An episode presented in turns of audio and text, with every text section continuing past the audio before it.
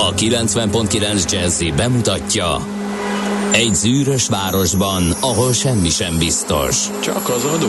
Mondom semmi ahol a kisbefektetőket senki sem védi meg a tőzsdei kilengésektől, és a sikátorokban leselkedik a kíméletlen hozamgyilkos. Csak négy férfi múlik a közbiztonsága. Hadnagy urak, merre vannak? A mindenre elszánt és korrumpálhatatlan alakulat vigyáz a rendre minden reggel. Hé, kik ezek az állati nyomozók? Négy férfi egyeset és egy nyalóka. Ács Gábor, Gede Balázs, Kántor Endre és Mihálovics András. Az íróasztal mögül pedig Profit kapitány diktálja a tempót. Humor, emberi sorsok, közönséges bűnözők és pénz, pénz, pénz. Egy különleges ügyosztály. A Gazdasági Muppet Show minden hétköznap reggel a 90.9 Jazzin. De is figyelj, ne csak a bárányok hallgassanak. De miért? Ha nincs pénzed azért, ha megvan, akkor pedig azért. Millás reggeli. Szólunk és védünk. Jó reggelt! Szép jó reggelt kívánunk, így is van. Ebből ki is derült, hogy a stúdióban Ács Gábor. És Kántor Endre. És ez a Millás reggeli itt a 90.9 Jazzy Rádióban 6.30-tól 10-ig, mint minden hétköznap, illetve munkanap. Nem minden munkanap, minden hétköznap és munkanap. De van, amikor a munkanap hétvégére esik, az mi nem vállaltuk. De ilyen nem is tudom, mikor lesz legközelebb. Majd valamikor ősszel. Jaj, ne is mondd, tehát ez a... Pont? Nem, csak eszembe jutott, hogy... Már morogsz? Ked van? Hát, figyelj, valaki, nem tudom, valami államtitkár kírt, ja, ránézett a értem. naptárra, kiírta a Facebookra, hogy hogyan esnek a hétvégék, és uh-huh. szélvéssebesen uh-huh. az egész magyar sajtó hosszú cikkeket uh-huh. írt, mintha bár, bármi újdonságot jelentene ránézni a naptárra, és megnézni, hogy mi fog esni hétfőre, meg mi fog kedre, tehát bárki maga is leírhatta volna, és csattanós, jó klikkelős cikket írhatott volna belőle, de na mindegy, ez a múlt hét vagy azelőtt ment. Igen. Úristen, három hosszú hétvége lesz, kett, négy hosszú hétvége és mindig beleszámolják a húsvétot, Igen. meg a pünkösdöt. Miközben egészen meglepő módon hosszú az elmebetegek lesz, a hanyatló nyugaton és Izlandon kikísérletezték a négy napos munkahetet. Egész pontosan nem négy napos, hanem órában határozták meg, és egészen megdöbbentő eredményekre jutottak. Többek között kiderült, hogy elkezdett rakétázni a munkavállalói elégedettség, nem változott vagy nőtt a termelékenység, és ezért aztán ugye az egyik nagy kritika az volt, hogy na de hát így óránként többet fizet a cég, mert ugyanazért a bérért mhm. kevesebbet dolgozol. Igen ám, de ki, mint kiderült, ugye nem csak teljes, te, van, ahol egyáltalán nem változott a termel, tehát nullára jöttek ki, ott is ugye, hogyha óránként nézed, akkor a termelékenység az viszont nőtt, mert kevesebb órával kellett kihozni ugyanazt. Tehát érdekes módon csak pozitív. Ja, és a, a munkavállalói elvándorlás az is mély pontra került. Mindenki elégedettebb volt, kevés, kevésbé akart elmenni a munkahelyről, amikor dolgozni kellett, sokkal jobban és többet dolgozott. Hát ez van.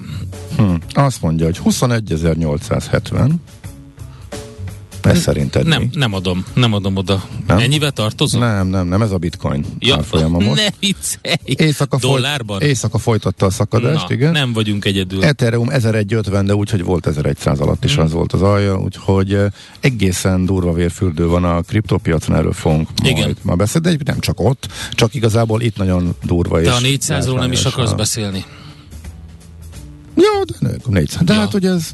Hát a műsorban ugye most megelőlegeztük. Most ez 399 és fél, vagy 400 ah, és fél, ez már majdnem mindegy. És a 402, az sem mindegy. Hát ez így 402 50, körülbelül ott volt a csúcs. Rendszerűen gyengül, és ez így mozog. Jó, de, a, de áttörte a 400-as szintet, persze, és a hát Dolcsi is ugye bőven 385 fölött volt, úgyhogy izgalmas uh, történetek ezek. Ugye nem olyan izgalmas, mint amikor 380-ról indult, és uh, fél óra, fél óra alatt nem 380 86-ról indult, és hirtelen egy óriási csíkba, ugye a háború kitörése után, Igen. amikor volt szapálni, akkor kis forgalom mellett néhány kötésben 400, aztán vissza, de akkor meg sem állt 80-ig a visszaerősödésben.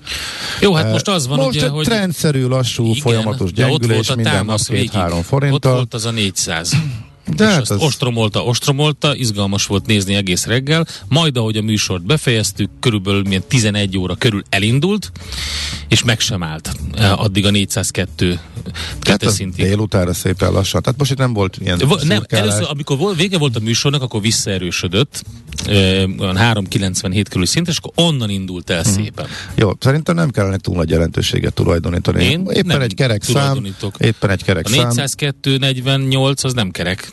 Ja, hát nem, de hogy benne vagyunk egy egyértelmű eső trendben, most ez éppen elért egy kerek számot is, amin átment mindkés a vajon. Uh, Igen azt tudják mondani a szakértők, hogy azt tudják fölvetni, hogy mi lehetne az, amivel megállítanák, és akkor vagy a jegybank szólaljon meg, vagy a kormány legyen kicsit piacbarátabb, mm-hmm. vagy az mhm. EU-val üljön le tárgyalni, és akkor ezek a kézenfekvő érvek pörögtek tegnap este, hogy na hát nagyjából ezekkel lehetne megfordítani. Hát ha lenne rá szándék, Igen. meg ha érdekelne akárkit is, de ezt nem tudjuk, hogy most szándék nincs rá, vagy még nem jutottak el odáig, vagy, vagy nem tudjuk. Ezt igazából senki se tudja. Na jól van. Mivel folytassuk? Hát mondjuk el, hogy kiknek van a névnapja. Vazul. A kedves vazulok. Boldog névnapot nektek. Az Esztellák, Hartvigok, Stellák, Töhötömök, vagy Tettyén, ugye, szépen ők is ünnepelnek. És ma van a Véradók világnapja, akit érdemes megemlíteni, az Karl Landsteiner, fiziológiai és orvostudományi Nobel-díjas orvos, az emberi vércsoportok felfedezőjének felfedezője ő, és a születésnapja évfordulóján, születése évfordulóján van a Véradók világnapja. Aztán 1985-ben ezen a napon adták, vagy adták, írták alá a Schengeni egyezményt és 2001-ben elég szomorú nap volt ez. Csurgó légterében zuhant le a Cessna 210-es repülő, aminek a fedélzetén a Synergon RT vezető munkatársai ültek, négyen életüket vesztették. Ez 2001-ben volt szerintem, akik hallgatnak minket régóta, és követik a tőzsdét, biztosan emlékeznek erre. Na, nézzük akkor a születésnaposokat, hogy kik születtek ezen a szép napon. Érdemes kinyitni, igen, ez jó ötlet, érdemes kinyitni a számítógépedet, és megnézni azt, amiből én is dolgozom. Becsatlakozom mindjárt, csak elfelejtettem kinyitni, igen, de hát Akkor neked mondom, te szeretett sorolni. Hogy Baló, én nem sorolom, én kiválogatom. Oh, Baló György 1947-ben született ezen a napon, televíziós újságíró, a Magyar Televízió kulturális igazgatója is volt, és hát rengeteg komoly politikai riportot, választási műsort és stb. köszönhetünk neki. Szerintem a műfajban ő volt a legnagyobb. Az biztos, legnagyobb, az biztos. Egyébként elég komoly társaságban van Baló György, mert hogy olyanokkal született egy napon, mint Márta István zeneszerző, Kemény Dénes, vízilabda mesteredző, vagy Darvas Iván, ugye kétszeres Kossuth és kétszeres Jászai díjas színművész, vagy hát itt van Dankó Pista, hegedűművész, nótaszerző, uh-huh. és félédes vörösbor. Igen. Hát az nem, az nem biztos, hogy annyira passzolna hozzá, de a fene tudja, lehet, hogy neki ez volt a kedvence. Az egy ilyen operettbor. Úgyhogy Ja, és hát, ó, hát majdnem kihagytam Ernesto, később Jack Guevara forradalmárt, gerilla parancsnokot 1928-ból. Trumpot mondtad? Nem, de hát ezt direkt hagytam. Ja. Ha most rájár a rúd. Nem, hát nem, nem tudjuk. Nem, nem úgy néz ki, hogy rosszul indult ez a vizsgálóbizottsági megállapítás a múlt héten. Akkor már úgy tűnt, hogy valószínűleg el fogják meszelni mindazért, amit addig csak mondtak, hogy, hogy konkrétan szította a, a kapitólium elleni támadást. Jó, tehát ezt eddig is tudtuk. Igen, de ez, ez csak egy, hát ez, ez nem volt egy, semmilyen ítélet nem volt ja, ebben. Értem, ez hogy... csak egy, ez csak mm, igen. Nem lehet, hogy ő simán esélyes lenne, és most nagyobb erők mozdultak meg, hogy De lehet, hát nézd, az esélyét is nem szabad kizárni, venni, hogy nem szabad kizárni a, a lobby. Figyelj, azért azért nagyon érdekes, arról biztos, hogy könyveket hát figyelj, megtölteni. Ami, amilyen gyalávatos teljesítmény ez a elnök nyújt, meg ez a mostani kormányzás innentől kezdve. Stimmel. Simán lehetne, hogy ő már a republikánusokon belül is jól állna, és mm, választáson Ebben pedig... nem vagyok teljesen biztos. Van egy, van egy kör, aki, aki nagyon pártolná, de a, az inkább, a, amennyire én olvastam, az inkább a republikánusoknak is a jobbra húzó ö, ö, szeglete. Uh-huh. Pontosan ebben a meghallgatásban ö, több republikánus képviselő is, aki, aki ö, kiálltak ellene, és ö, elmarasztalták, úgyhogy van egy, van egy elég komoly mag a, a, a republikánusok között, akik szintén nem akarják Donald Trumpot még egyszer látni, és pontosan az egyik, hát hogy is, hogy is mondjam, nem vádpont, de az egyik vád ellene az, hogy, hogy ezzel um, konkrétan meg akarta változtatni az amerikai politikai rendszert, és teret adni a szélsőjobbnak. Hát ezt nem tudom, majd kiderül. Igen, jó, nem vagyunk annyira képbe, tehát csak hírfosztányokat olvastam, én sem mentem bele, de Hát én, én hallgattam egy nagy riportot erről az egészről, jó, okay. és uh, ott beszélgettek róla különböző politikai jellemzők, újságírók, um, lehet, hogy van esélye, én csak azt mondom, hogy a republikánusok között azért vannak jócskán, akik ellenlábasai. Ja, persze, hát jó, ez mindig, tehát ez, ez egyértelmű, hogy gyorsokan fognak versengeni magáért az elnök jelöltségéért. Ja, gyorsan mit írnak a hallgatók? Morgan Sunshine van kartársak. A hétvégén lépcsőn ültem Fehérvára menet, klíma nélkül, a nyári menetrendben. Igen. Baba. Igen, igen. Papalő. Na, megteltek a vonatok? Nem, az Na. nem tudom, hogy mi van, illetve hogy, hogy azt sejtem, hogy az a probléma, hogy ez a váltórendszer, ami egyszer meghibásodott, ezen a, tehát a Budapest-Fehérvár vonalon, ez valami miatt a 27 fok plusznál elindul, és elkezdi szórni a hibákat. És nem tudom, hogy miért, hidegben, fagyban is tök jól működött. Ez tavaly előtt indult el ez a probléma, amikor volt egyszer ez a nagyon hosszú ideig tartó 30 pluszos hőmérséklet, és, és akkor valami tönkrement, de hát lehet, hogy kijavítanak engem az ilyen hogy van ilyen, hogy vonat mozdony mérnök, vagy nem tudom, vasúti mérnök. Hogy ne lenne, Na, persze, hát akkor ők, szakma, ők persze. kijavítanak engem, hogy, hogy hülyeséget beszélek, de a lényeg az, hogy, hogy én azt vettem észre, hogy amióta egyszer volt ez a baromi nagy leállás kánikulában, és pontosan ez a váltórendszer meghibásodása volt, azóta hogyha megközelítjük a 30 fokot, akkor elindul a probléma megint. Mint hogyha nem tudták, Igen, nem tudom, ez az elektromos váltórendszer. Vagy nem valami. bíz be? Nem tudom. Nekem az rémlett, hogy inkább a biztosító berendezésekkel volt probléma. Nem, nem tudom. Ez valamelyik elektromos. Én Ah, úgy emlékszem, most ezt a váltórendszer. most a hétvégén nem figyeltem, mi volt a gond. Uh-huh. Úgyhogy ez... Na jó, figyelj, azt értem azt a mondatot, hogy forgalom még alig, alig, mármint papa lő uh-huh. üzenetéből, de a ma 3-2 az NBA span, nem spoiler, mert bárki lehet, eh, ennek az értelmezéséhez némi segítséget szeretnék kérni Hát tőled. nézi ha az valami, amerikai kosárlabdát. valami visszautalás? Nézi az amerikai kosárlabdát. Most, ott most megy a döntő, vagy mi vagy? vagy nem hogy? tudom, hogy mi megy, hogy milyen döntő megy, milyen konferenc megy, mit, mit megy, mert én nem nézem, de ő igen. Vagy hogy fogja nézni, akkor ez lehet a... Aha, a vég. Jó, oké. Ezt majd akkor a buszit megkérdezzük csütörtökön. Oké. Biztos, hogy képben van.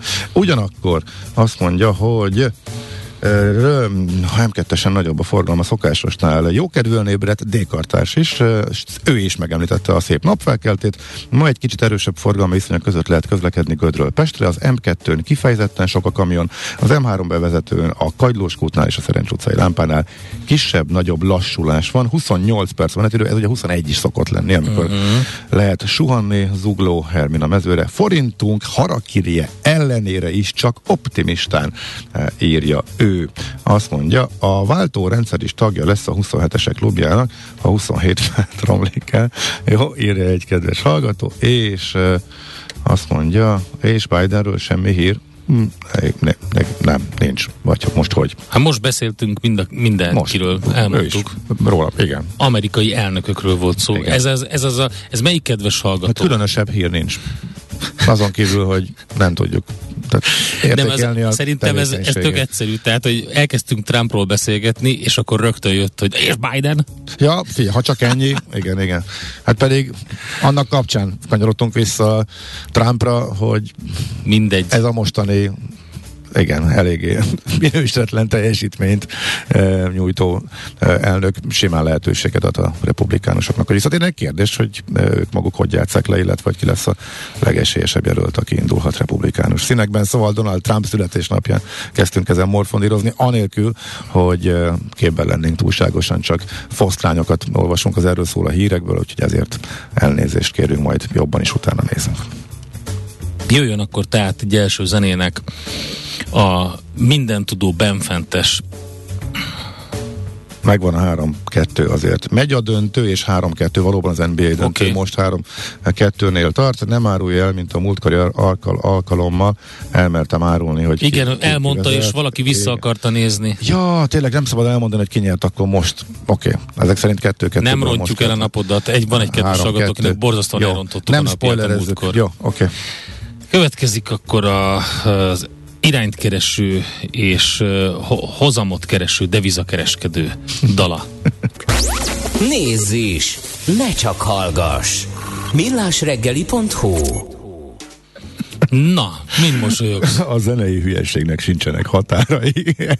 Jött Magnifico és turbulenza. Uh, ilyen ritkán van, én nem tudtam levenni a fülest. Igen. Olyan jól esett, már nagyon... reggel mulatni rá, és tombolni, így én azt ajánlom mindenkinek, felejtve, hogy nézze jó. meg a videoklipet is, ami zseniális, tehát a kis bebújós bőrcipő, azt hiszem világos kék öltöny, de fehér cipő az biztos. Na mindegy. Király, királyul adta a zene a pedálfordulatot, jött egy másik üzenet. Hát, lehet rátekerni. Lehet rátekerni. Igen, igen. Mit írnak a lapok? nagyon, nagyon jó volt. Na, mit írnak a lapok?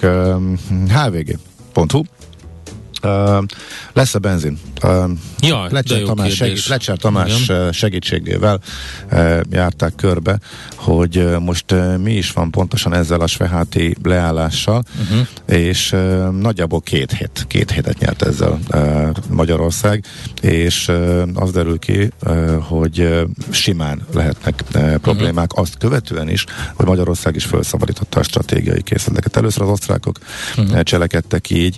Uh, kis hát háttér a finomító leállásához. A koronavírus járvány miatt halasztotta elég sok olajcég a nagyobb karbantartást, a hosszabb leállásra járó nagyobb karbantartást. Ez, ez is ilyen volt a Bécs melletti finomítóban, és az újraindításkor volt ez a probléma, amikor a Hát, hogy is mondja, hogy a lelke az egész finomítónak, tehát uh-huh. az ment tönkre.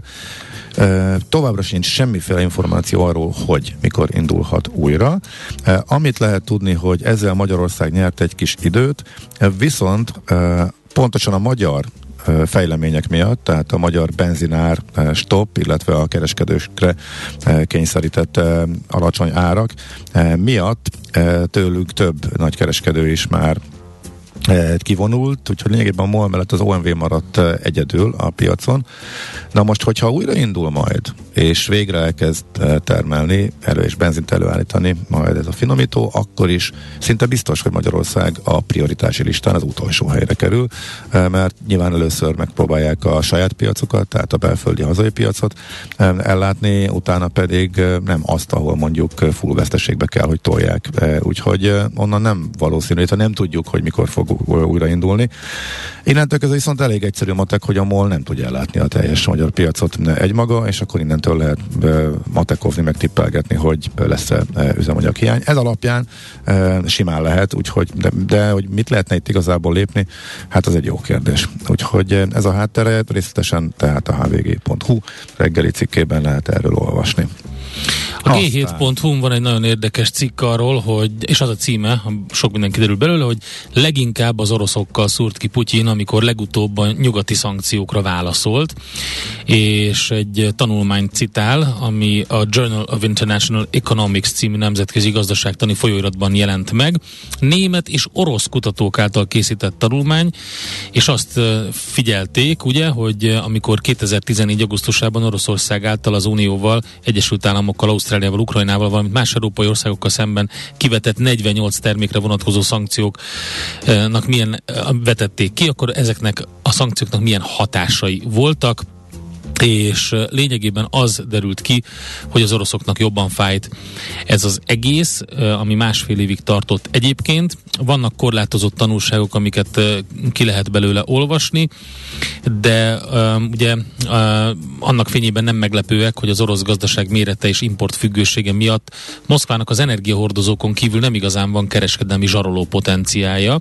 A jelen helyzet azt mutatja, ugye, hogy az oroszok a gáz és az olajcsapot sem igazán szeretnék elzárni, tehát orosz ellenszankcióktól nem igazán kell tartani. Ugyanakkor más a helyzet, illetve a 2014-es helyzetet a mostanihoz hasonlítani e, nehéz, mert az akkori szankciók, valamint az ellenlépések önsorsrontó hatása sehol sincs ahhoz a szankciós csomagokhoz, amit az Egyesült Államok és az Európai Unió elfogadott, és a büntető intézkedések gazdasági hatásai is jóval súlyosabbak, illetve a másik oldal az, hogy hogy most viszont van még egy zsarolási potenciál az energiahordozókon kívül, ez pedig a, ez pedig a búza. Uh-huh. Úgy, meg, meg hát alapvetően a termények. Úgyhogy hát minden esetre érdekes, hogy mire jutottak ezek a német és orosz kutatók ezzel kapcsolatban. Azt mondja Blick, csak a cím. Tovább gördül a lavina újabb fapados légitársaság hárítja át az utasokra mm. a különadót. Uh, Újabb bank is. Uh, keveredik itt meg, hát a szezont a fazonnal, itt érdemes tehát külön választani. Uh, HVG kérdezte meg az EasyJet-et, akik elmondták, uh, amit igazából aznap elmondtam én is, hogy mi lesz itt a reakció, és igazából uh-huh. pontosan ugyanaz, hogy nyilván ez az árakat befolyásolni fogja, illetve a, a járatindításokat, meg a konnektivitást. Ja, tehát a, Igen. Mi ez magyarul? Most kapcsolatokat. Kapcsolat, igen. Tehát, hogy mennyi útvonal lesz. Magyarul ez szokásos. Elmondták, hogy akkor nyilván kevesebb járatot fognak üzemeltetni, vagy, vagy belengedték, tehát ez igazából papírforma, csak a sajtó elkezdi összekeverni a Ryanair féle meglevő jegyekre utólagos ráterhelést, illetve a későbbi jegyekbe a nyilván az adónak a beépítését. Csatlakozásokat. Az Easy, igen, az EasyJet az, ut, az utóbbi. Tehát igazából egyedül a Ryanair az eddig, aki a meglevő jegyekre is utólag kifizeteti az utassal, illetve fölajánlja, hogy fizes ki, vagy pedig visszamondhatod az egészet, és visszakapod az árát dolgot. Szóval érdemes ezt megkülönböztetni, mert most kezd teljesen összemosódni a mhm. sajtóba, és csak azért gondoltam, hogy idehozom. Hol zárt? Hol nyit? Mi a sztori? Mit mutat a csárt? Piacok, árfolyamok, forgalom a világ vezető parketjein és Budapesten. Tősdei helyzetkép következik. Hát elég nagy esés lett a vége a magyar tőzsdén is. A Bux Index 2,6%-os mínuszban fejezte be a napot, és azt lehet látni, hogy hát Lényegében a Na, vezető, a vezető um, papírok, a Magyar Telekom esett a legtöbbet a blue chipek közül 4,2%-ot, de az OTP is 3,6, a Richter 2,4 és a MOL is másfél százalékos mínuszban zárt.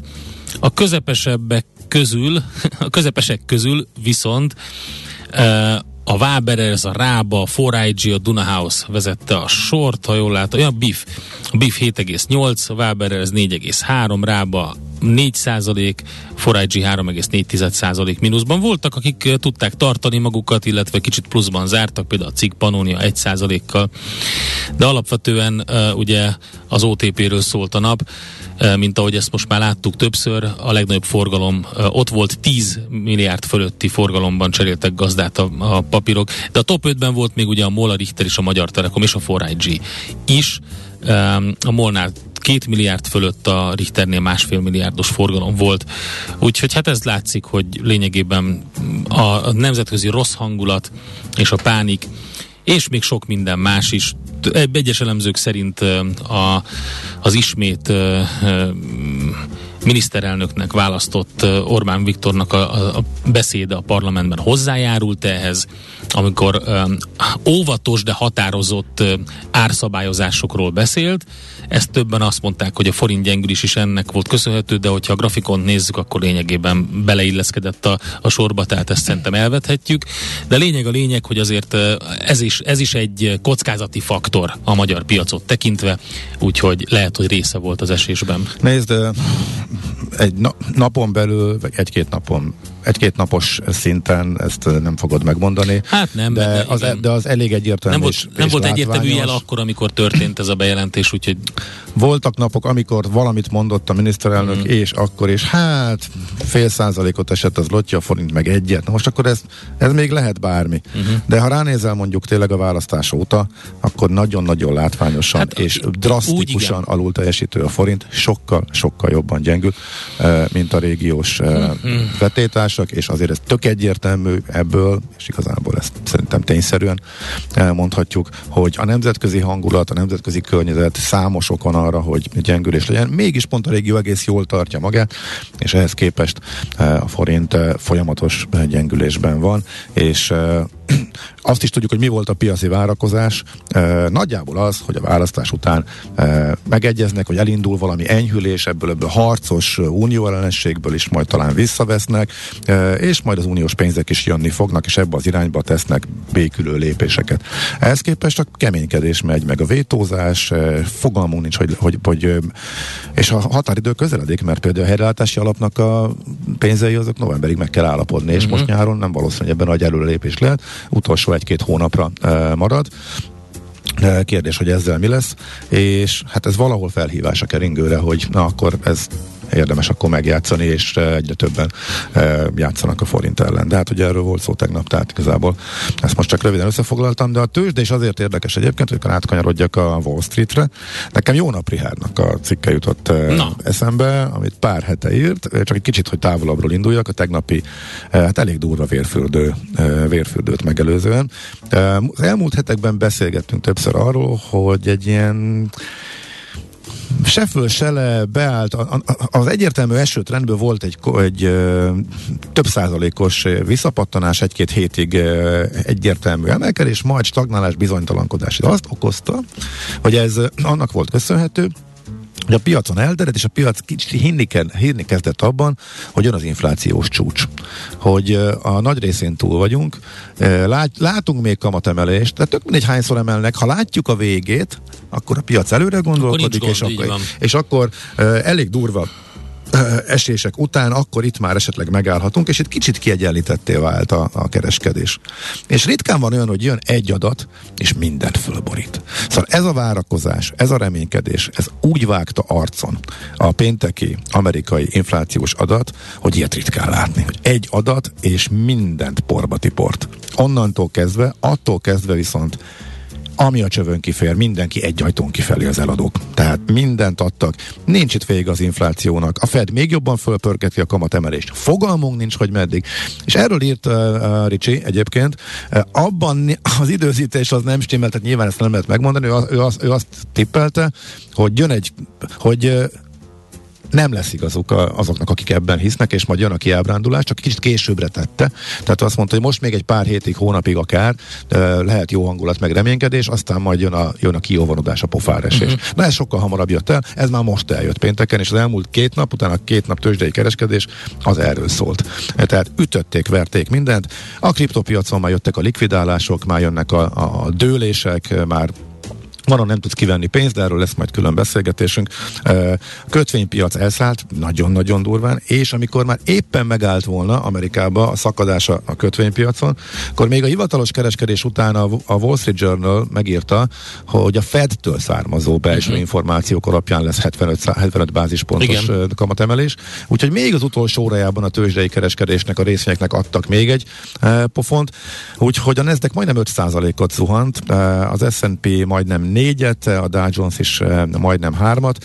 Hogyha levesszük a technológiát, akkor ez egy nagyon-nagyon komoly esés, de nem nagyon durva, hogy az S&P te- technológia húzza lefelé, és ami egyébként nagyon érdekes, hogy a, a Wall Street már sokkal-sokkal lejjebb van, mint március elején a háború kitörése utáni mélypontokon. Európa viszont följebb, a DAX is följebb. Utána egy-két héten keresztül az volt, hogy Európa szakad, mert közel van, Amerika pedig ne, Amerika meg nem érdekli a, háború, nem tulajdonít neki jelentőséget, és emelkedett rá másfél héten keresztül, és volt Amerikának egy nagy előnye Európával szembe egy teljesítményben. Ez olyan szinten megfordult, hogy Amerika sokkal durvábban esik már hetek óta, és most már az S&P ismét a medvepiaci tartományba esett, a Dow Jones is abszolút közel van, és az idei esése, csak az idei, tehát most van június 14-e, még fél év sincsen, 30% fölött van a Nasdaq idei zuhanása. Oké, okay, hogy a semmire ment föl az év igen. második felében alapvetően, illetve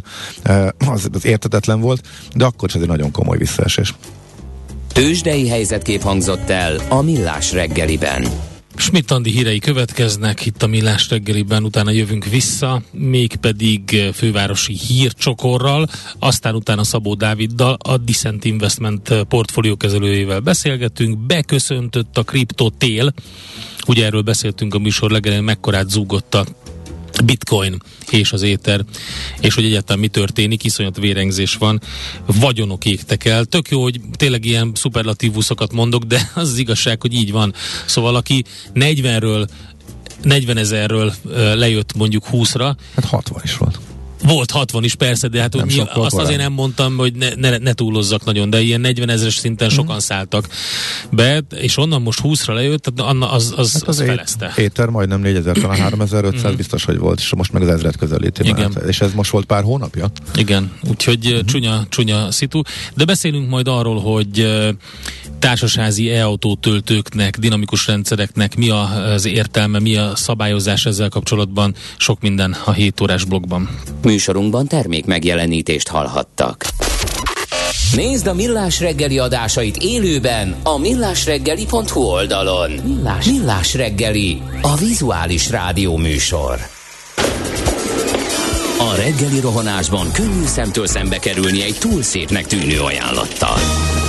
Az eredmény krétával körberajzolt tetemes összeg.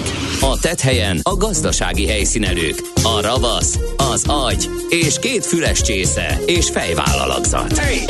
A lehetetlen küldetés megfejteni a Fibonacci kódot. A jutalom egy bögre rossz kávé és egy olyan hozamgörbe, amilyet még Alonso Mózli sem látott. Millás reggeli, a 90.9 Jazzy Rádió gazdasági mapetsója. Vigyázat! Van rá engedélyünk! A Millás reggeli fő támogatója a Schiller Flotta KFT. Schiller Flotta and Rent a Car. A mobilitási megoldások szakértője a Schiller Autó tagja. Autók szeretettel.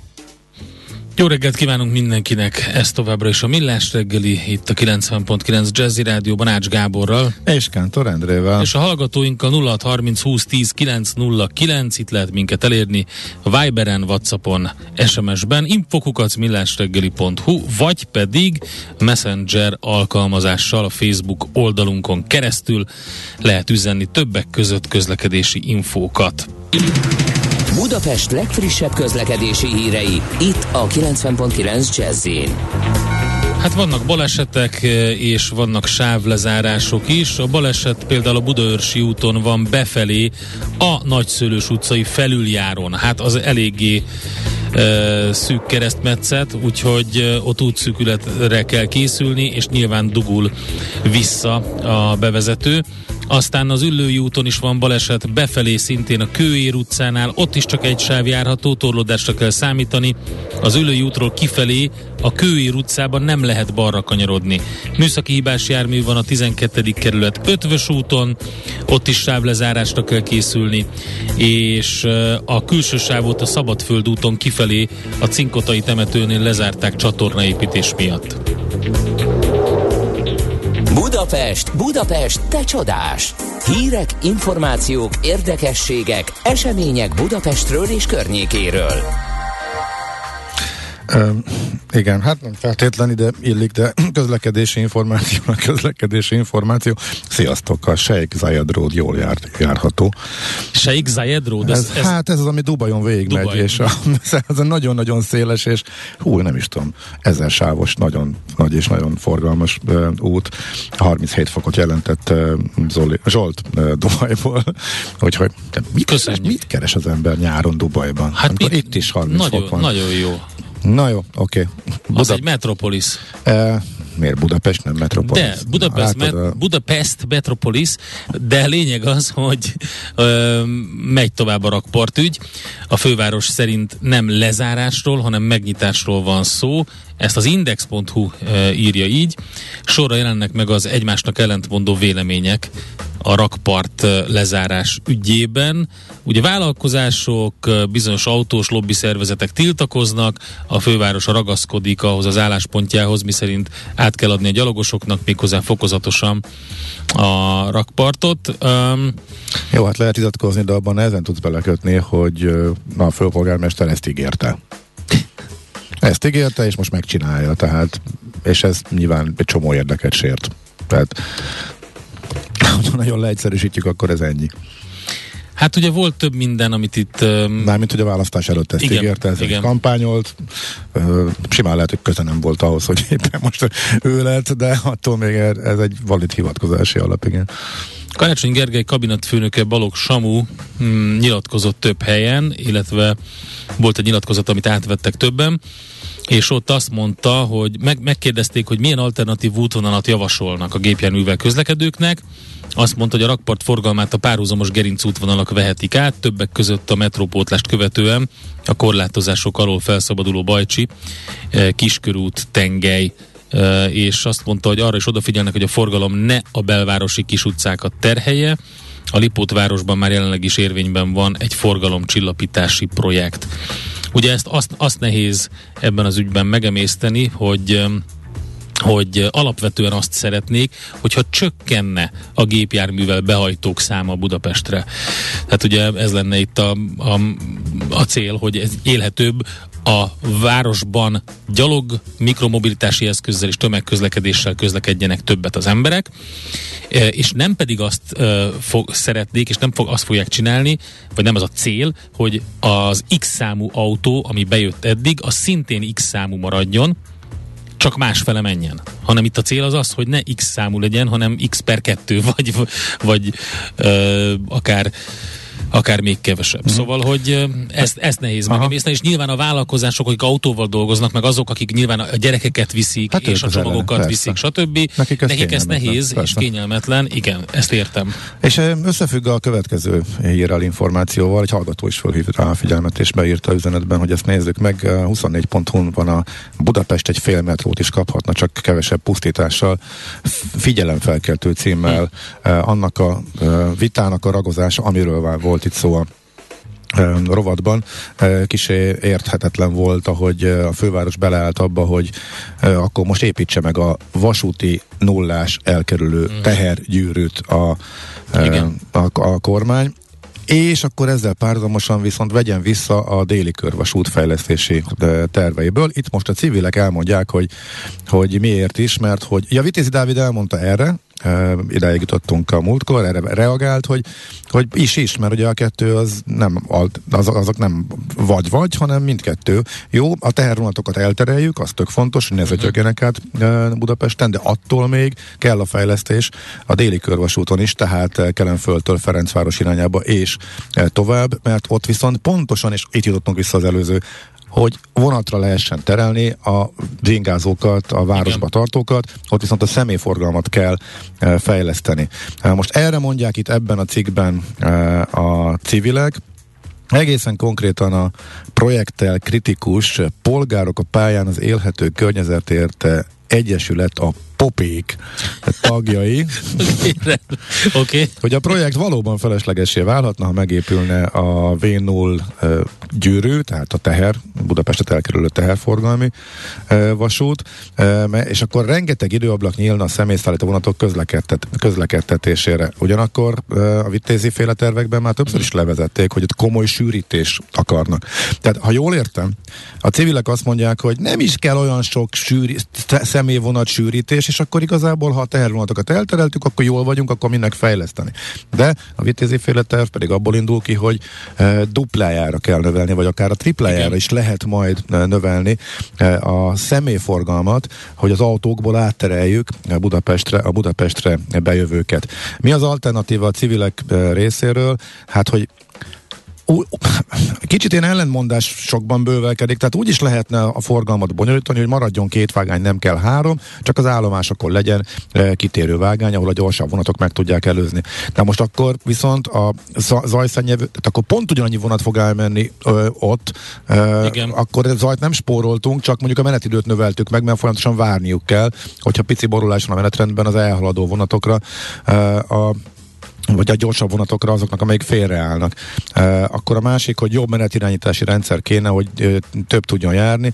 Tehát ők, mintha csak két vágányra terelnék az amúgy is növekvő e, három vágányra jó forgalmat, akkor viszont csak annyit nyertünk, hogy egy vágányi hely felszabadul. Szóval innentől kezdve nem értem, hogy pontosan akkor mi is a, a probléma ezzel, hogy e, ezt, a, ezt a részt fejleszték kimondottan a személyszállítás, ami egyébként ugye egyre halkabb és egyre modernebb vonatokon e, e, bonyolódik. És hogy idáig sikerült ez, alatt, ez alapján a cikk alapján is eljutna, ami viszont csak még egy legyen egy poén a végére. A nagy kérdés az, e, azt meg ugye Andó Gergely többször is elmondta itt nekünk, hogy oké, okay, tehát lehet itt duplájára növe, de, ezek a, de a másik oldalon ott mi van a fejlesztéssel? Tehát hova kanyarodnak, hogyha nincs hely tovább menniük ezeknek a vonatoknak? A fejpályadvarokra nem tudnak bemenni, mert már most is. Ja, meg vagon sincsen, óriási beszerzés kellene, meg óriási fejlesztések kintebb is még mm. biztosító rendezésbe, hogy ez hát megvalósulhasson oda majd, szóval ez még, de ez előbb még megcsináljuk sok... a sineket, aztán majd eljutunk a vagonokig. Viszont így joggal merül föl, hogy minek csináljuk meg most a sineket, eh, hogyha ez majd még sok-sok év múlva, ki tudja, hogy milyen anyagi körülmények között egyáltalán lesz arra forrás, hogy ez uh-huh. fölfejlesztő. Mindegy, a civilek azt mondják, hogy előbb legyen meg, hogy az is sok-sok év, mire a, a tehergyűrű elkészül, előbb az, az legyen meg, és akkor utána lehet, utána lehet, de hát ez eldőlt már építik, már kész van a harmadik hát híd. Azért, azért sem értem, hogy akkor most, most szedjük föl a a már kész hidat a harmadik vágányjal, vagy akkor ez most miért merült föl, ha egyszer ez már túl vagyunk ezen Hát ők most jutottak hogy ahhoz, oda, hogy szót emeljen. Na jó, oké, szóval nagyjából ennyit. Közben a Ráckevei és Csepeli híveket is ugye bevezetnék a Kálvin térig, ez egy, egy érdekes, a Főmterv ZRT, a konzorcium egyik tagja újabb részleteket közölt erről. A tervek szerint a két hívvonal a közvágó hidállomás előtt összefonódna, már térszint alatt, és innen egy vonal menne tovább a Kálvin térig. Itt is jelentős problémák vannak, ugye, hiszen a tervezett nyomvonal feletti terület sűrűn beépített, sok a műemléképület, és stb. Hát remélem, hogy nem a műemléképületek fogják ennek kárát látni, mert az elmúlt időszakban azért műemlékből eltünedezett egy pár Budapesten és környékén. Nem lenne jó, hogyha ez folytatódna. Egy közlekedési info, M1-es M7-es a gazdagréti kihajtó után áll, de maga a kihajtó is beállt, beállt már. Nekünk a Gellért hegy a Himalája. A Millás reggeli fővárossal és környékével foglalkozó rovata hangzott el. A barátság két dolgon alapul, tiszteleten és bizalmon. Mindkettőre szükség van. Mindkét félnél.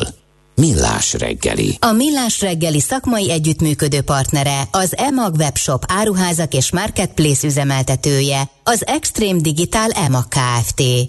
Na nézzük, mi van a kriptopiacon. Uh, hát uh, reggel beszámoltunk róla, hogy mekkora uh, vérengzés van a főbb kriptodevizáknak az árfolyamában. Szabó Dávid van itt velünk, a Decent Investments portfólió kezelője. Jó reggelt, szervusz! Jó reggelt kívánok, szervusztok! Ez most már a kapituláció? Tehát most már ilyen technikai dolgok? Tehát, hogy megállás nélkül uh, zuhan, uh, dőlnek be cégek, beragadnak pénzek, de mi váltotta ki? Nem tudom, hogy ez a kapituláció-e, de az fontos látni, hogy ez nem egy kriptospecifikus dolog. Tehát szerintem egy évvel ezelőtt is beszélgettünk, tavaly májusban volt egy, egy nagy összeomlás a kriptóban, na az egy kriptospecifikus dolog volt, ott a rövid távú kifejezetten a kriptót érintő túlpozicionáltságnak a leépülése, az ebből a fakadó likvidációk okozták. Ez nem kriptót érintő dolog. Uh-huh. Tehát, hogy jelenleg az egész világon minden piacon vérengzés van, nem tudom, hogy azt, tehát talán ez nem is veszik észre annyira az emberek, hogy a Covid válságban a NASDAQ esett 30%-ot. Hű, nagyon megijedt mindenki. Most túl vagyunk ezen. Tehát, hogy az elmúlt legutóbbi csúcsához képest a NASDAQ az 32%-os esésnél tart. Uh-huh. Ezt Ez pont igaz, kiemeltük ma reggel, mi is, igen, az évelejéhez képest szuper. is 30 fölött, igen. Igen, tehát hogy nyilván a Covid-ben gyorsabban történt meg, itt lassabban történik meg, A kötvénypiacokon hatalmas vérengzés van, tehát a német állam, tíz éves államkötvénynek a hozama, az három hónappal ezelőtt negatív volt még. Most ez 1,6% a hozam. Tehát az árfolyamban ez ilyen, nem tudom, 15-20 százalékos esést jelent. Német állam, tíz éves államkötvénynek az árfolyama az ennyit esett az elmúlt három hónapban. És az, hogy ehhez képest a kriptóban is van nagy esés, hát nyilván ez egy spekulatívabb eszköz, tehát ott az esés az, az nagyobb, de hogy ez nem egy kriptospecifikus dolog. És mögötte nyilván az van, ami, amit hát így sokkal, vagy hát ezt nyilván ezt lehet érteni, tudni, hogy a jegybankok az elmúlt másfél évtizedben, 2008 óta fújtak egy hatalmas lufit minden eszközbe azzal, hogy a könnyű pénzkorát fenntartottuk, zéró kamat, pénznyomtatás, ami hirtelen a visszájára fordul, és az a világ, amiben nulla a kamat, és az a világ, amiben van kamat, az két nagyon-nagyon-nagyon különböző világ. És most ebbe az átmenetbe vagyunk, egyszerűen az eszközárak korrigálnak. De miért kéne a kriptónak együtt mozognia, és ez miért tök természetes? Hát éveken keresztül hallgattuk, hogy na, a kriptó az majd más, a kriptó az majd az új arany. Az majd pont akkor lesz jó, amikor a világ összeomlik, mert az mindennel szembe tud menni. Hát akkor mégsem. Szóval ugye ezt a bitcoinra mondtuk azt, hogy a digitális arany. Tehát, hogy oké, okay, a kriptónak az árfolyam mozgása az elmúlt időszakban azért már együtt, tehát már korrelációban van a kockázatos eszközöknek az árfolyamával, és ez egyszerűen azért van, mert a kriptó kezd mainstream válni. Tehát az intézmények felfedezik maguknak, az intézményi portfólióba bekerül, szépen lassan, de ez azt jelenti, hogy a kockázatmenedzsment szempontjából is ezek egy közös kalapba kerülnek bele, és ez a korreláció az elindul és kialakul a kettő között. De az fontos látni, hogy kripto és bitcoin, ezeket nem mossuk össze, a, bitcoin az valóban egy kriptopénz, és valóban azt gondolom róla, hogy ez itt a digitális arany. És továbbra is ez a véleményem. És azt is fontos látni, hogy ha mikor van egy ilyen nagy piaci felfordulás, akkor akkor az arany is esik. Tehát hiába menekülő eszköz az arany, a tegnapi napon az arany is esett egy jókorát például. De nem csak tegnap, és... hát az egész mostani fordulatban, az inflációs környezetben is folyamatosan esik, tehát igazából jó, nem annyit, mint mások, de hát igazából volt egy felszúrás 2000 fölé, és onnantól kezdve ez ugyanúgy megy, megy szánkázik lefele, csak persze jóval kisebb mértékben, mint mondjuk a tőzsdék vagy a kötvénypiac. Ez, ez tök jó, hogy mondod, hogy, hogy tényleg az látszik, hogy, hogy van egy, egy óriási korrekció a piacokon, de talán azért foglalkozunk kicsit kiemeltebben most a kriptókkal, mert itt azért harmadolás történt, vagy felezés értékben, és, és az nagyon-nagyon nagy. Főleg, hogyha a, ugye mondjuk a bitcoin értékét nézzük, tehát ugye, ugye ott azért 60 ezres szintekről esett vissza most a mostanira, ami, amiről tényleg azt lehet mondani, hogy, hogy vagyonok Hát 60-ról most már lassan 20-ra, igen, igen. az elég súlyos. Aha. Jó, nekem, tehát hogy lehet, hogy én így a kriptopiacon nevelkedtem, de hogy ez nekem nem tűnik extrém súlyosan. Tehát, hogy egy olyan, már ilyen, olyan, igen. igen. de nem az, hogy volt, hát hogy ilyen minden évben van, és az, hogy ez akkor történik, amikor egyébként a NASDAQ esik 32%-ot, és akkor a bitcoin esik nem tudom 65-öt. Uh-huh. Mhm. Hát miről beszélünk, vagy mi, mi, mi az a mi az a extrém vagy különleges dolog, ami történik. Uh-huh. Szerintem nem történik igazából uh, semmi különleges dolog, vagy még nem történt különösen uh, különleges dolog. Még történhet. Tehát, hogy ez mi lenne a különleges, ja, ez az, mi lenne a különleges mi, dolog? Mikor mondanád azt, hogy hoppá, na hát na, ez, na, már, ez már durva. hogy, hogyha tízezernél van a bitcoin, arra azt mondanám, hogy ez Oké. Okay. Rendben. Hívjatok majd fel, hogyha... Mindenképpen. Megjegyeztük, okay. az biztos. Rendben van, jó. Egy, jó egy ilyen látás, vagy egy ilyen, ilyen látáspontot hallani, igen, hogy ö, teljesen máshogy áll hozzá az, aki a kriptopiacon ö, szocializálódott, és máshogy érzékeli Ott ezeket a mozgásokat. Rengeteg többszörözés, meg negyedelődés volt azért a piac történetében, ez, ez kézenfekvő, igen. Csak mióta bekerült a mainstreambe, azóta nyilván jobb, jobban ö, szem előtt van, és ö, vannak akiknek ez, ez óriási meglepetés, ez igaz. Uh-huh. Jó. Igen, és vagy csak, hogy a bitcoinnak az ilyen digitális arany természeti, ez azt így hagyd tegyem hozzá, hogy a, a bitcoin, a kripto ugye egy nagyon erősen spekulatív természetű eszköz lett az elmúlt évben pláne, amikor így a figyelem középpontjába került, és hatalmas spekulatív pozíciók épültek ki a bitcoin környezetében is. És És jelenleg, tehát rövid távon ez a spekulatív tényező az, ami a meghatározó. Én azt gondolom, hogy ha hosszú távot nézzük, akkor azt láthatjuk, hogy ó, hát 2017 végén a nem tudom, a 20 ezeres bitcoin, bitcoin szint volt, az a úristen, hát ez már mekkora hülyeség van a igen, piacon, igen. nem tudom. Most a 20 ezeret úgy látjuk, hogy te Jézus már... Beszállási pont. De, tehát, hogy a mélyben van egy hosszú okay. távú olyan folyamat, ami a bitcoin áremelkedése mellett. Akkor az lenne a fő kérdés, hogy a, az a pozíció, amiről beszéltünk, hogy egyre több portfólióba bekerült, komolyan veszik, eh, része lett a befektetési portfólióknak, intézményi befektetők eh, is eh, elkezdték vásárolni és betenni a, a portfóliókba. Ez sérülhet, vagy ez már elérte a bitcoin, és gondolom a, az éter, de ez, ez így maradhat, és akkor a piaci hangulattal együtt itt is lehet majd akármikor változás, vagy ebből is visszakozhatnak, és egy szinten lejjebb kerülhet a befektetési instrumentumok listáján. Tehát, hogy visszakozás szerintem már nem fog történni. Tehát, hogy ez olyan szinten bekerült a köztudatba, és itt szerintem a fontos az az, hogy a, az, hogy ez milyen értéket tud adni a világ számára, vagy mi a, a érték hozzájárulása a kriptoeszközöknek, azt most már széles körben látják, vagy már látják éppen elegen ahhoz, hogy, hogy ez a folyamat ne forduljon vissza. Az, hogy jön egy nagyon más monetáris környezet, ez ez biztos, hogy nehezít minden szempontból, de hogy nem csak kriptó szempontjából, hanem minden más befektetés szempontjából. És mondjuk, hogyha van egy ilyen nagyon extrém nehezített környezet, akkor lehet, hogy a, az új dolgok, az új fejlesztések, az új innovációk, azok a listába hátrébb kerülnek, a, amikor éppen az a, az a nem tudom, a, a befektetésekkel foglalkozó cégeknél az a napi feladat, hogy a, a, a, a napi vérengzést kezeljük, és azt megállítjuk. Akkor kevesebb energia juthat e, az új, új mm. innovációkra. Oké. Okay. Oké. Okay. Köszi szépen, beszélünk még. Rendben, majd tízezernél. de, de, de ezt várod tényleg? Vagy az, az, azt gondol, velük, nem, azt Dávid. gondoltam volna, hogy akkor azért szomorú is lennél, de hát ahogy ezt most itt mondtad. A következő hát beszállási pont, igen. Attól függ, milyen pozícióban jó, vagyunk, jó, rendben. Okay. Köszönjük szépen. Köszönjük szépen. Sziasztok. Szabó Dáviddal beszélgettünk a Decent Investments portfólió kezelőjével.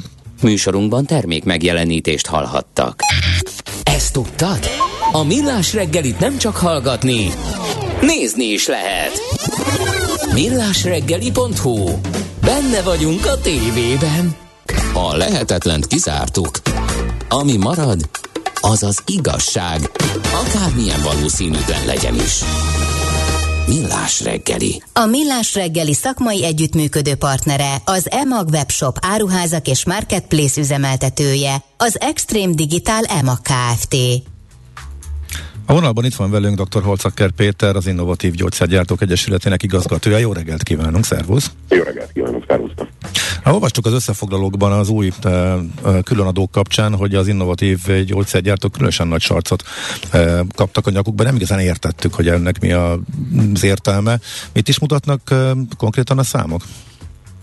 Hát mi se értettük hirtelen, gondolom, hogy ez a, ez a, ez a, ez a legfőbb, hogy, hogy meg tudjuk ezt fogalmazni.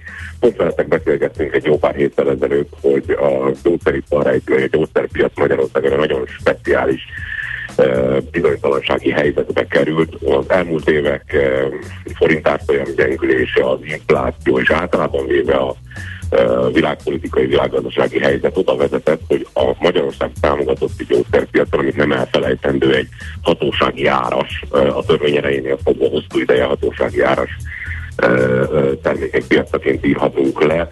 Gyakorlatilag a termékek jelentős része igazából ma már nem, nem fenntartható pályán vannak, és egész egyszerűen veszteséget termel a cégeknek, és miután létfontosságú a terápiás gyakorlatban használt szerekről, gyógyszerekről van szó, tehát nem joghurtról vagy mosóporról, és természetesen nem megbántva sem a joghurt készítőket, sem a mosóporgyártokat, de azért össztársadalmi szempontból jelentősebb hatása van annak, hogy ezek a készítmények biztonságosan elérhetők-e. Mi már a különadók előtt is tulajdonképpen megkongattuk a vészharangot, és erről beszélgettünk veletek, a hallgatók sem emlékeznek rá, hogy, hogy már az is beavatkozást igényel volna. Hát a beavatkozás miatt csak ellentétes előjellel, és a most bejelentett különadó emelések, vagy különadó körébe a gyógyszeripar is bekerült, és ha lehet a lehető legszerencsétlenebb módon, ugyanis a magyarországi majd 1000 milliárdos gyógyszerpiacból tulajdonképpen annak a negyedére e, vetettek ki e, most új különadót, ezt a bizonyos 20 milliárd forintot, és ennek a, ennek a most vetett különadónak több mint 80% az azt a 26 tagvállalatot terheli, akik, akik a Kilat és Gyógyszergyártók Egyesületének tagjai. Ennek a hátteréről tudtok valamit? Vagy volt bármi előjele, vagy meg véleményt kikértek, vagy, vagy, a, vagy a közlönyből, vagy a bejelentésből értesültetek ti is arról? A bejelentésből értesültünk, még, gondolom minden más iparága, hogy hallottuk az uh-huh. ő reakciójukat. Érdekes evolúciója volt egyébként a bejelentésnek az első alkalommal, ugye, amikor a miniszterelnök úr bejelentette, hogy ilyen különadók várhatók, akkor még nem is volt benne a gyógyszeripar, a végén pedig oda jutottunk, hogy az, az iparág egy meghatározott szegmens egy jelentős, a már meglévő adókulcs emelésével egy 40%-os adóemelés befutott bele, ami összességében egyébként oda vezetett, hogy pont ezek a, a magas hozzáadott értékű terápiák kerülnek veszélybe. És hogy azt mondjuk, mint felelős iparák, hogy nyilván egy adott gazdasági helyzetben mindenkinek ki kell venni a részét a, a válsághelyzet megoldásából, mi is ezt meg fogjuk tenni, tehát a kötelezettségeinket teljesíteni fogjuk. Ugyanakkor azt kérjük a kormánytól, hogy akkor viszont ezek után tényleg mindennek kell tennünk annak érdekében, hogy a legvégső soron a magyar betegek jól járjanak. És az megfigyelhető trend, ami az elmúlt években sajnálatos módon tapasztalható, nevezetesen, hogy a magyar betegek lassabban, nehezebben térnek hozzá elméletes gyógyszeres terápiákhoz. Azt nem csak, hogy megállítsuk, hanem kifejezetten meg is fordítsuk, és mindennek tegyünk annak érdekében, hogy újra a régió élvacsai van, van, van, vagy lesz olyan hatása ennek, hogy kevesebbet költenek fejlesztésre, úgy gyógyszerkutatásokra, újabbak kifejlesztésére az innovatív gyártók? Hát, hogy Magyarországon kevesebbet költenek, az tuti biztos. Tehát ugye itt azt kell tudni a, a gyógyszeriparról, hogy egy nagyon globalizált, kontinenseken átívelő robotus struktúrában dolgozik. Ebbe egyébként az európai és a, a magyar gyógyszeripar is ezen szálon kapcsolódik, tehát hogy összességében nem a Piting Magyarország fogja meghatározni egyébként a, a globális trendeket ebben a vonatkozásban sem, de az igaz, hogy ezek a, a, a iparági szereplők, akik egyébként jelentős beruházásokat hoznak, vagy hozhatnának. Gondoljatok itt csak arra, hogy a pandémia után tulajdonképpen a globális ellátási, értékesítési, gyártási láncok teljes újra gondolásra zajlik, és egy csomó befektetés keresi a helyét, hogy hova mehetne biztonságos területen. És ha pont egy ilyen időszakban mutatunk egy nem kellően attraktív képet magunkról, lásd, adóztatás, láng, a hozzáférés erőteljes tűzítése, stb. stb. sajnos így csak negatívumokat tudok mondani, eh, akkor az a, így, az, az a rengeteg beruházás, ez a nagy értékű beruházás, ami keresi a helyét, az biztosan nem Magyarországra fog érkezni. Jó, akkor a legfontosabb kérdés, lesz gyógyszer, vagy mondhatja azt uh, egy tagvállalat, hogy köszönöm szépen, nekem ezzel full veszteségesítették a működésemet, engem pont nem érdekel, hogy, hogy kinek, meg minek, meg ki veszi, mi veszi. Én akkor egyszerűen itt, leállítom a gyártást, vagy a, a termelést, és akkor vagy, vagy nem szállítok ebből a gyógyszerből a magyar piacra. Ez előfordulhat? Az egyszerű válasz az megint természetesen olyan, hogy gyógyszer nem lesz, az nem fordulhat elő. Egyrészt a vállalatunk is etikusak, másrészt meg e, maga, maga a gyógyszeripar e, vagy gyógyszerpiac felépítése okán egyébként e, nagyon sokféle terápia érhető el, ami viszont igaz, és ez árnyalja rettenetesen a képet, hogy egy-egy ilyen döntés következtében pont azokhoz a terápiákhoz való hozzáférés fog jelentősen, akár drasztikusan is tűnni, amelyeknek egyébként most még nincsen versenytársunk, olyan jellegű ö, speciális helyzetben van, amikor el kell dönteni, hogy jön-e az országban, vagy sem. Már eddig is ö, nagyon rossz képet mutatott ez egyébként. 2015-öt követően az Európai Gyógyszerügynökség több mint 600 készítményterápiát, új indikációt engedélyezett, és ebből alig több mint 160 kapott Magyarországon támogatást Tehát igazából már eddig is azt éreztük, hogy rendkívül le vagyunk maradva, és az európai gyógyszerek, hogy a, a modern készítmények kétharmada igazából el sem érkezik az országba. Nem lennék meglepve, nyilvánvalóan az erre irányuló számítások is részletes elemzések még folyamatban vannak, nem lennék meglepve, ha ez az arány még tovább csökkenne és ez nem jó. Tehát e- egész egyszerűen az, hogy, hogy pont a, azokhoz a terápiákhoz, amelyek korábban nem, vagy nehezebben kezelhető betegségek esetén nyújtanak támogatást a betegeknek. Ha azokhoz nem férnek hozzá a magyarok, akkor annak közvetlenül is van egy nagyon komoly egészségügyi kockázata. Másfelől azonban a gazdaság egészére különböző multiplikátor hatások következtében igen negatív közhatással bír. Tehát ez igazából senkinek nem jó, és azért mondjuk mi azt, hogy ha van egy ilyen speciális helyzet, amikor szükség van egy ilyen extra adóra, akkor ezt nagyon óvatosan és nagyon ügyesen kell uh, telepíteni, már csak azért is, mert hogy maga az iparág egyébként eddig is jelentős mértékű különadót fizetett. Tehát a második legnagyobb különadó kötelezettsége eddig ilyenben is a gyógyszeriparnak volt. Tehát úgy képzeljétek el, hogy éves szinten 100 milliárd forint volt már tavaly is a, a befizetett uh, különadó uh, mértéke az elmúlt három ciklusban ez 900 milliárd forint feletti extra bevételt generált a költségvetésnek, ami egy óriási terhelés a iparágon, és ha hozzáveszünk azt a, azt a szintén most négy éves adatot mondok az elmúlt ciklusban a, a, a termék árán belül keletkezett árfolyam veszteséget, ami összességében 260 milliárd forintra tehető, egy óriási nyomás van a piacon, és ebben az egyensúlytalan helyzetben nagyon komoly lépésekre van szükség. Minden, mindenki elfogadja azt, hogy a magyarok számára fontos az, hogy az új terápiákhoz és a modern gyógyszerek készítményekhez hozzáférjen. Azt gondolom, mert utóbb úgy a kérdés az az, hogy hogyan tudjuk ezt elérni a leghatékonyabban. Uh-huh. Utolsó kérdés. Avóta történt egyébként valami? Tehát nyilván, ahogy szembesültetek a, a tényekkel, akkor fölvették a kapcsol- fölvettétek a kapcsolatot az illetékesekkel? Tehát van, voltak azóta tárgyalások? Vagy minden iparág próbál, próbál lobbizni a változásért, ugyanakkor van költségvetési kényszer. Azóta van valami fejlemény?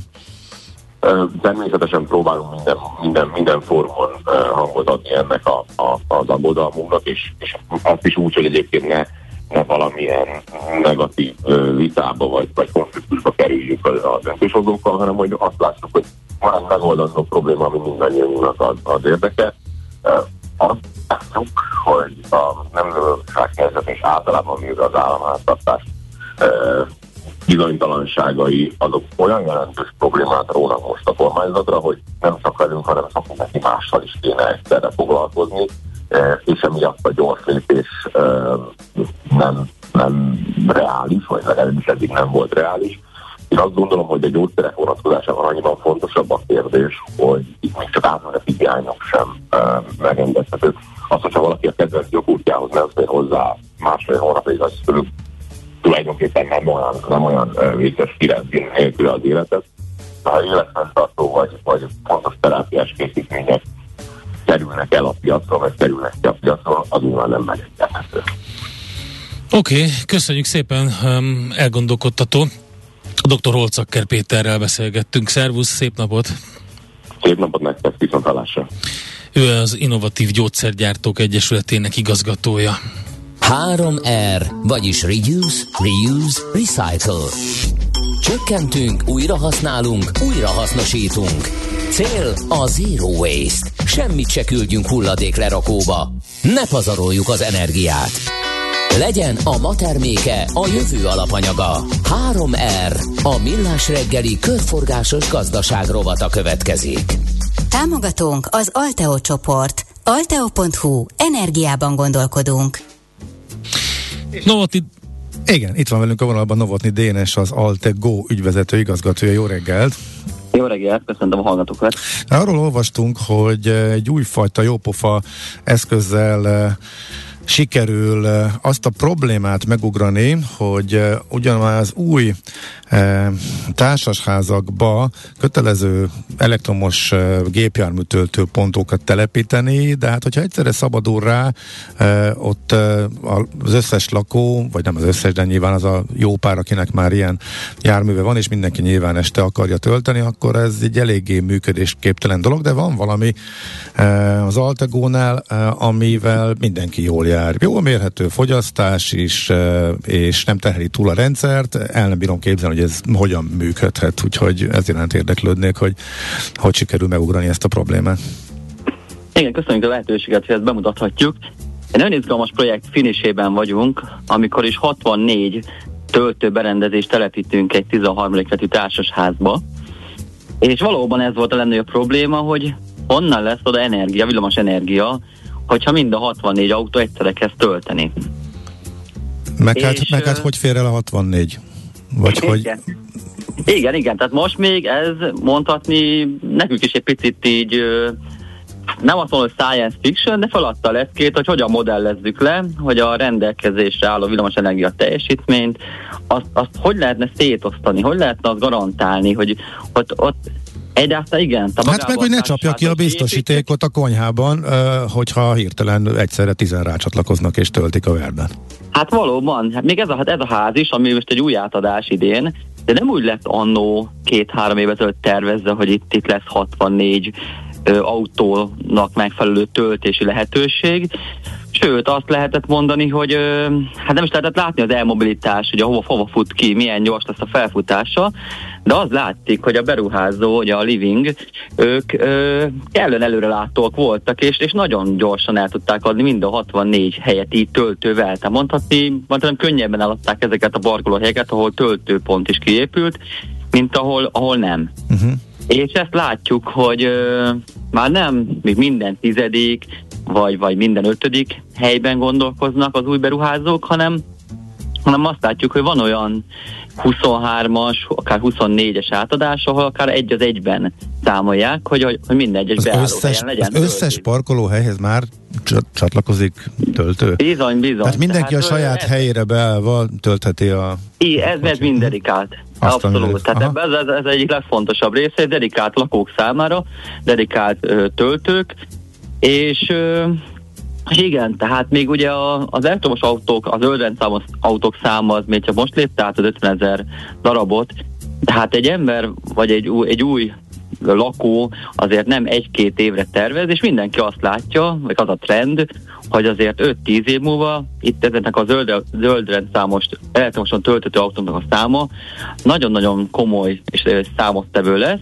tehát a beruházók, akik ilyen lakó ingatlan, illetve irodaházas, ingatlanos uh, irodaházba építők, üzemeltetők, amiben gondolkoznak, az az, hogy igen, minél több dedikált töltőpontot biztosítjanak, társasház esetében a lakók, irodaház esetében a bérlők számára. Mennyire terheli le? Ez a feladat a számunkra. Na igen. Hogy akkor ezt, ezt hogyan oldjuk meg. Na hogyan?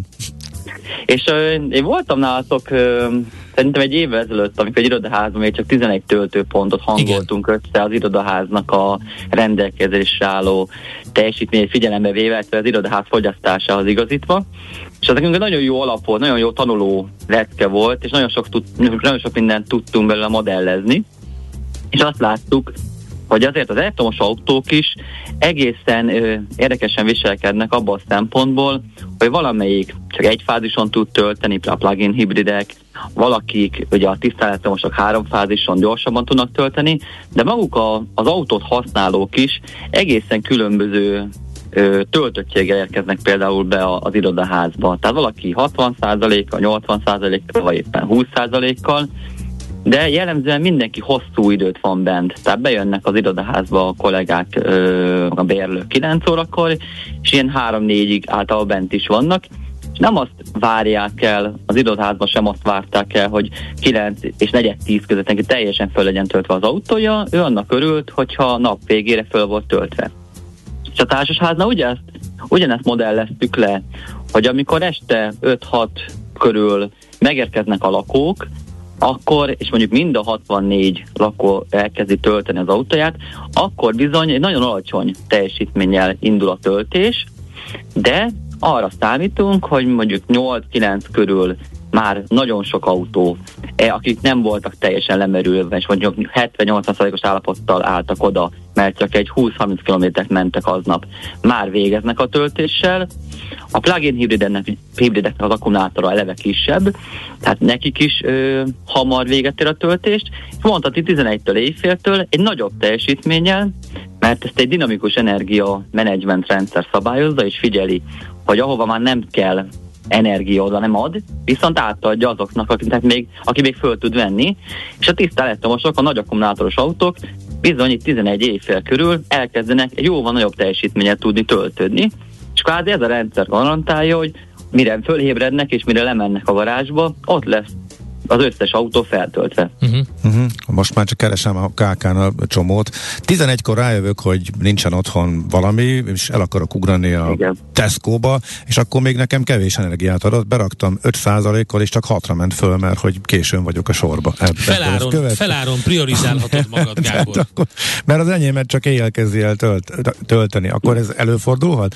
Tehát ez... Előfordulhat, valóban. Uh-huh. Tehát lehet azt, hogy nem is az, hogy 5-ről 6-ra, hanem még 25-re, de azzal uh-huh. azért el lehet gurulni a Tesco-ba, vagy ja. bármelyik bevásárolni. okay. De viszont ezt a, jól ismerte fel a Living, vannak olyan helyek, ahol magasabb ö, prioritása, magasabb töltöttséggel lehet tudnak tölteni a lakók. Tehát ők ezt így ketté választották, és ebben a társasházban lehetett venni kázi egy kisebb teljesítményük, egy lassabb töltési lehetőséget, mert lehetett venni olyan parkolóhelyeket, ahol garantáltan nagyobb teljesítménnyel fog töltődni az autó, a gépjármű. Uh-huh. Tehát még ezt is külön választottuk nekik, hogy csináltunk egy ilyen ágat, ahol, ahol nagyobb teljesítmény ö, garantált a, uh-huh. a lakók számára. Aha, okay. Szóval még a, ez is kb. egy ilyen pilot volt nekik is, mennek persze nekünk is, ilyen nagy mennyiségben mi sem csináltunk még ö, töltő átadást, de nekik is, hogy a lakók mit szeretnének, mit, mire, mire, hajlandó plusz, mire hajlandó a pluszban áldozni. Aha. És akkor azt mondod, hogy az új lakásprojekteknél ez most már így hirtelen elvárássá válik, és a következő években ez már ilyen alap felszereltség lesz? Most ez a pilot, ezt még tökéletesítek, de akkor ez így fog elterjedni? Én azt látom, hogy még ezt nem nagyon kommunikáltuk túl sok helyen, uh-huh. de már most nagyon sok megkeresést kaptunk, ö, társasházak részéről, megépült társasházaktól is. Ja, igen, uh, aha, tehát ez utólag is, utólag is beszerelhető? Abszolút. Uh-huh, tehát ja. maga az elv, az, az alkalmazható a meglévő társasházaknál is, hiszen ott is vannak olyan olyan kapacitási teljesítmények, amik mondjuk idelenesen vannak használva. Például a liftek használják, vagy a világítás használja, de nem folyamatosan. És a bírja az, elek- az de gondolom azért az elektromos rendszernek bírnia kell, tehát ez lehet egy szűk keresztmetszet, hogy nem mindenhol ö, működhet, nem? Ezt vizsgáljuk, és mindig ugye ezt, ö, meg hát persze, tehát itt az egésznek az alapja, hogyha nagyon nagyon kevés van, és a, nagyon kevés teljesítmény rendelkezésre, akkor ha azt túl sok irányba osztom szét, akkor nem fog elindulni a töltés. Akkor hibátja ez a töltőnk is. 6 amper alatt ő azt mondja, hogy ezt, ezt nem értelmezi, ez annyira alacsony mhm. jel már a számára. Viszont pont ezért teszünk mindig javaslatot, hogy igen, most ide ennyi töltőt tudunk telepíteni, ennyit érdemes, vagy nyilván meg kell nézni, hogy lehet-e még a rendelkezésre álló teljesítményt bővíteni, ö, esetleg pár, néhány, néhány 10-20 vagy akár 100 ampert még be lehet kérni a, a, házatos, a házati cégtől, az elosztó, villamos házati elosztótól. De ezeket már a, ez mindig, mindig kvázi az adott helyzet ö, diktálja, vagy, néz, vagy az adott helyzet mhm. hozza. És, és én azt látom, hogy, hogy azért van még tartalék, és, ezt így, és itt igazából az, az egyidejűségnek a szétosztása, és kvázi az, ez egy picit az okosan gondolkozás, hozhatja meg az eredményt. Virágos. Mm, és, okay. és szerintem az az újdonság ebben a sztoriban, hogy hogy korábban voltak olyan szolgáltatók, akik azt mondták, hogy hát legyen, tegyünk ki egy közös használatú töltőt például a háznak. Csak hát ugye az nem volt életszerű, a lakók ez a leggyorsabb megérkezik ötkor. Persze, rajta, akkor azon vita van, ez így, ez így igen, egyértelmű, ha mindenki Abszolút, tud kapni. Ezt kaptuk vissza mi is, hogy hát ilyen, ne is gondolkozzunk ilyen, de tényleg rossz megoldás, mert amelyet a lakók összevesznek, egy kvázi egy parkolóhely elveszik, és a beruházó sem, meg a meglévő társaságok sem dúskálnak üres parkolóhelyekben. Uh-huh és nem így terveznek, hogy egyet majd csak azért arra használnak, hogy ott majd lakók majd, majd, majd ezt használják töltésre. Tehát ez a közös dolog meg, meg ez, ez, ez, ez meg fölállt, és ez valóban nem életszerű. Illetve korábban csinálták azt, hogy fixen... Dénes, elfogyott az időnk, elnézést, hogy szólok. De... Vagy a vállalat lehetne erről mesélni, de köszönöm persze, igazából. Persze, és tök izgalmas. Csak tovább kell mennünk. Lényeg, hogy mindenkinek saját töltőt, úgyhogy nagyon szépen köszönjük. Köszönjük szépen. Azt okay. ez a jövő, igen. Én is köszönöm szépen. Oké, okay. szép napot, szia, szia. Minden jó, szervusztok. Novotni Dénes volt a vendégünk, az Altego ügyvezető igazgatója. A körforgásos gazdaság több, mint újrahasznosítás. Egy értékláncokon és iparágakon átívelő gazdasági modell, amelyben nincsenek hulladékok. 3R. A millás reggeli körforgásos gazdaság rovata hangzott el.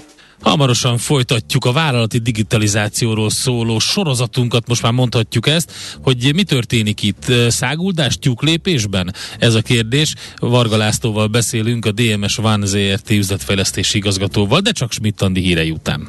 Műsorunkban termék megjelenítést hallhattak. Hé, hey, te mit nézel? Nem tudtad? A Millás reggelit nem csak hallgatni, nézni is lehet. millásreggeli.hu Nézzünk, mint a moziban!